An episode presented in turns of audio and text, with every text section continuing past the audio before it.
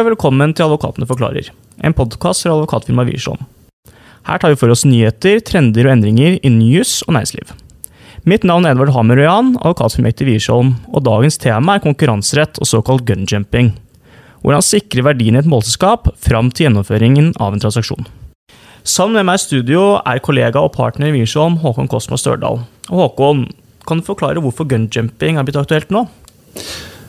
Grunnen til at dette er aktuelt nå, er at domstolen i EU for noen uker tilbake stadfestet en bot til selskapet Altis eh, nettopp for brudd på gunjumping.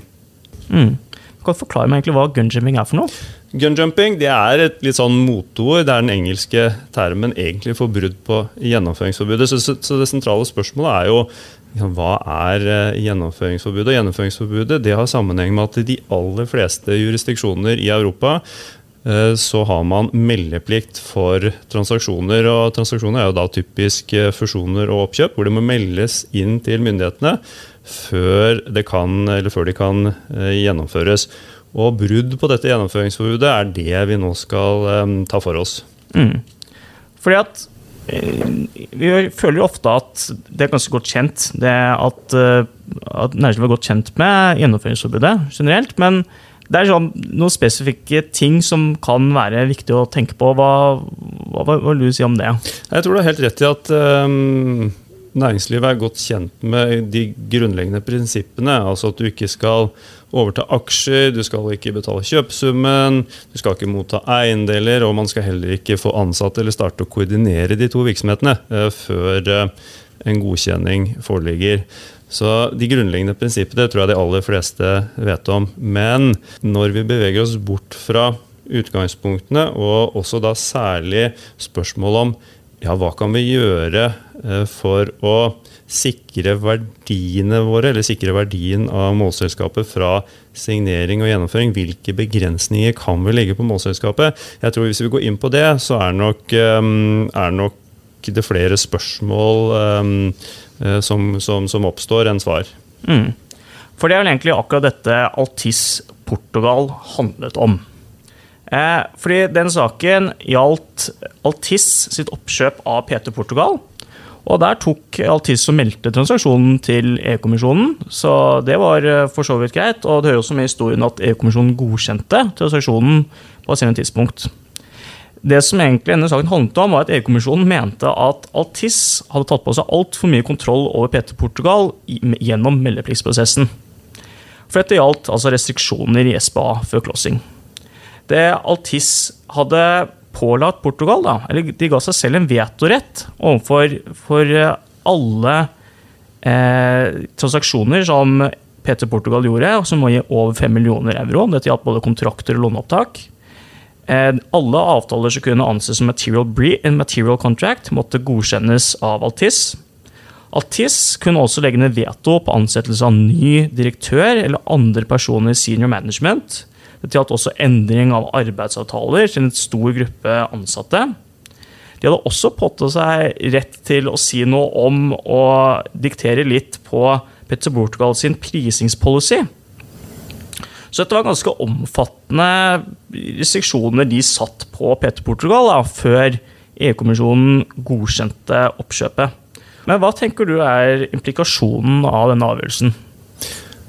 Avgjørelsen kommer med en del eh, klargjøringer og tydeliggjøringer av hvilke begrensninger man kan legge på, på målselskapet. Og Utgangspunktet er at du kan etter denne dommen, at du kan ha reguleringer og begrensninger som går ut på um, sikre verdien av målselskapet fram til gjennomføring skjer. Og Det betyr også at du kan forplikte målselskapet til å opptre in the ordinary course. Altså De skal gjøre som de alltid har gjort, og de skal ikke gjøre noen veldig store krumspring i perioden fram til, eh, til gjennomføring. Den type begrensninger kan man legge på det. I tillegg så kan man regulere det ekstraordinære. Og det har igjen eh, sammenheng med at du skal bevare verdien. Så ekstraordinære tiltak, noe som ligger utenfor det eh, som er virksomhetens kjerne, det kan man regulere.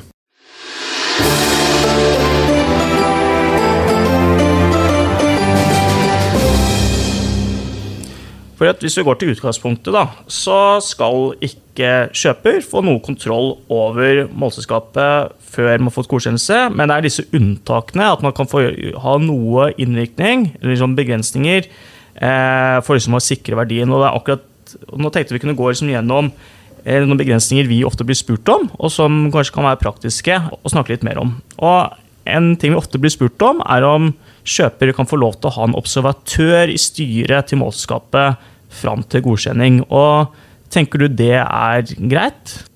Dette er ikke direkte berørt uh, i avgjørelsen, men uh, domstolen gir likevel noe veiledning til problemstillingen.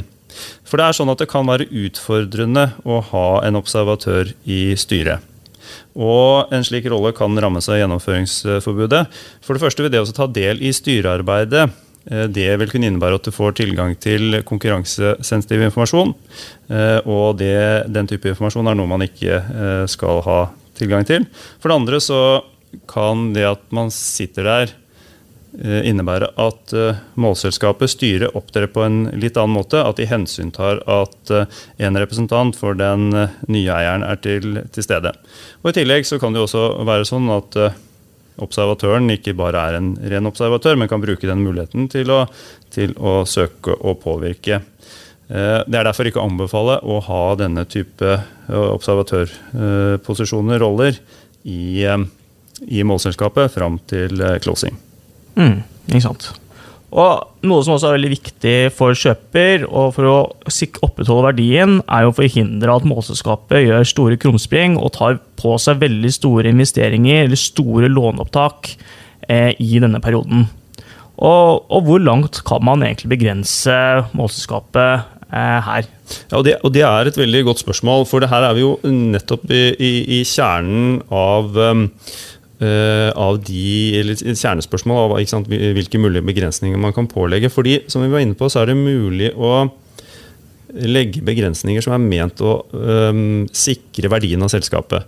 Og Hvis selskapet kan ta opp store, store lån, så vil det kunne svekke verdien. Men igjen så må det balanseres mot sant, hva er den, hvilken, hvilken finansiering, hvilke lån er det selskapet vanligvis Eh, tar opp som ledd i den daglige driften. Så det man kan regulere, er som vært inne på tidligere også, det ekstraordinære.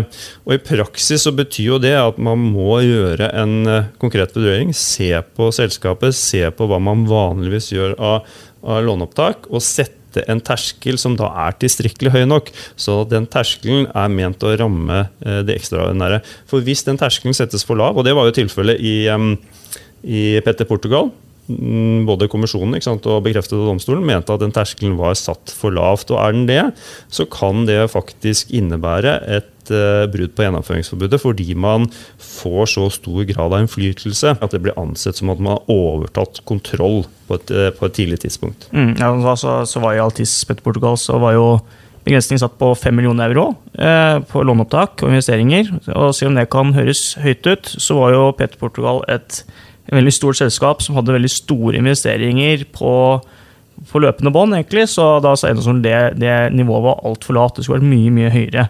Det var ikke nødvendig å ha så mye kontroll for å opprettholde verdien i mellomperioden. Og så er det noe annet uh, som også er veldig viktig. er uh, Hvem som sitter i senior management i målselskapet. Kan man begrense noe der på oppsigelse eller ansettelse av ledende personer i målskapet?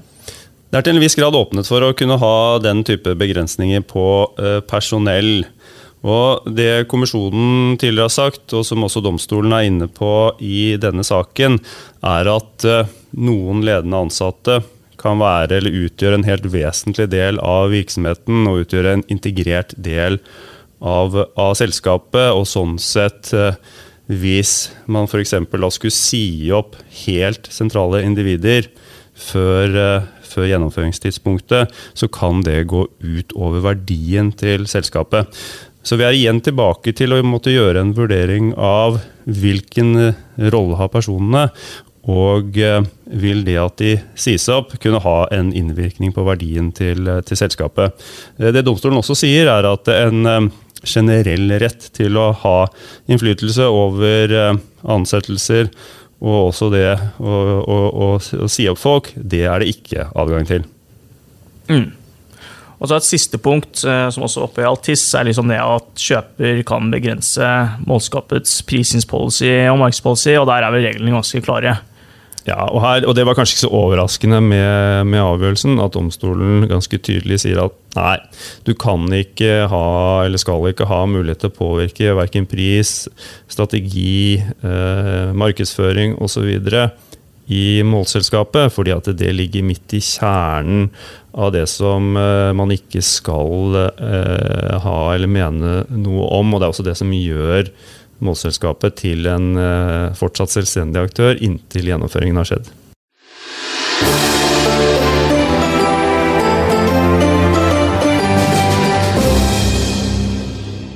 Og så på et litt sånn sidepunkt som også er oppe i Altis, eh, som vi ofte har blitt spurt om, er kan egentlig informasjonsdeling mellom kjøper og målselskap være et selvstendig bud på gjennomføringsforbudet. Og her handler det liksom om at ofte at målselskapet gir veldig mye konkurransesituasjon opp til kjøper i denne mellomperioden. Eh, det har ikke vært kontroversielt at informasjonsdeling det kan være problematisk under advarsreglene i konkurranseretten. Altså at konkurrenter får ikke lov til å dele informasjon med hverandre.